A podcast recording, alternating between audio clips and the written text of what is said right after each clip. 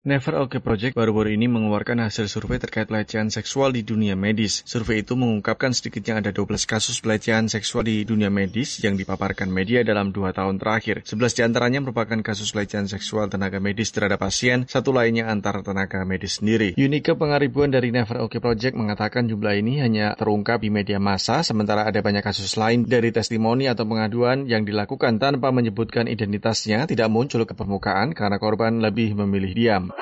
mereka diikat oleh yang namanya kode etik. Mereka memilih untuk bungkam daripada menjatuhkan rekan sejawat. Dari 12 kasus ini emang rata-rata adalah pelecehan seksual dalam bentuk fisik. Contohnya seperti kita tahu kasus-kasus di Surabaya, di Aceh, di Jakarta, itu rata-rata dokternya atau perawat itu melakukan pelecehan seksual seperti membangun daerah keintimannya ataupun kayak megang bagian-bagian alat kelamin ataupun kayak melakukan pemaksaan secara fisik. Terjadinya kasus pelecehan seksual di dunia medis tidak ditampik oleh Sandra Suryadana, dokter umum dan pendiri gerakan sosial Dokter Tanpa Stigma. Menurut Dokter Sandra, terjadinya kekerasan maupun pelecehan seksual di dunia medis tidak dapat dilepaskan dari budaya patriarki, serta sistem atau aturan tak tertulis yang disebut senioritas. Ini menurut Sandra menjadi awal terjadinya pelecehan maupun kekerasan seksual yang dilakukan maupun yang dialami tenaga medis. Sebenarnya disebabkan karena adanya satu sistem atau aturan yang tidak tertulis di dunia kedokteran ini, sistem senioritas.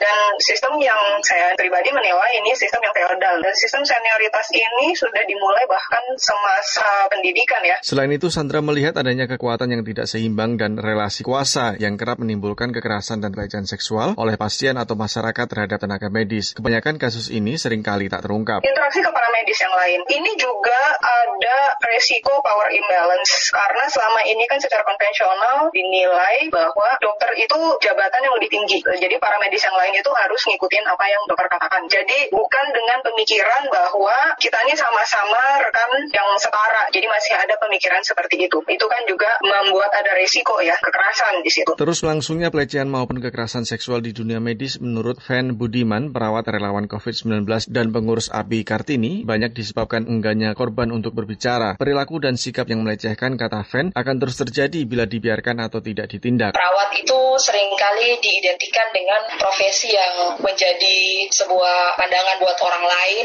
diobjektifikasi secara seksual, dan itu sering kali kami temui di lapangan, dan itu baru ada sedikit dari kami yang mampu speak up atau bicara soal bagaimana mereka mengalami pelecehan seksual. Dr. Sandra menegaskan perlunya merombak sistem yang dianggap feodal dan memperbaiki sistem dengan mengedepankan rasa keadilan. Revolusi sistem benar-benar sistem dari pemerintah, sistem feodalisme ini loh yang harus dirombak. Jangan ada lagi politik-politik di dalam dunia medis ini, karena urusan instansi dan organisasi organisasinya itu karena anggotanya adalah ya orang-orang kita-kita juga. Jadi sulit untuk menegakkan satu sistem yang memang benar-benar adil gitu. Karena pasti lebih berpengaruh politiknya, siapa yang jadi ketuanya sekarang, siapa yang lagi disukain, siapa yang lagi nggak disukain, siapa yang lagi bisa memberikan keuntungan. Unike Pangaribuan juga mendorong adanya jejaring kolektif yang saling mendukung untuk menyuarakan penghentian kekerasan maupun pelecehan seksual. Ia pun mendorong pengesahan segera rancangan undang-undang penghapusan kekerasan seksual untuk melindungi semua pihak dari perilaku kekerasan seksual di segala profesi. Mungkin nggak sesama profesi kita bisa kolektif karena setiap orang mungkin punya latar belakang ataupun pemahaman berbeda. Tapi pada saat kita punya satu visi misi walaupun kita memiliki profesi yang berbeda, kita bisa bergandengan tangan untuk menyuarakan. Karena semakin sering dan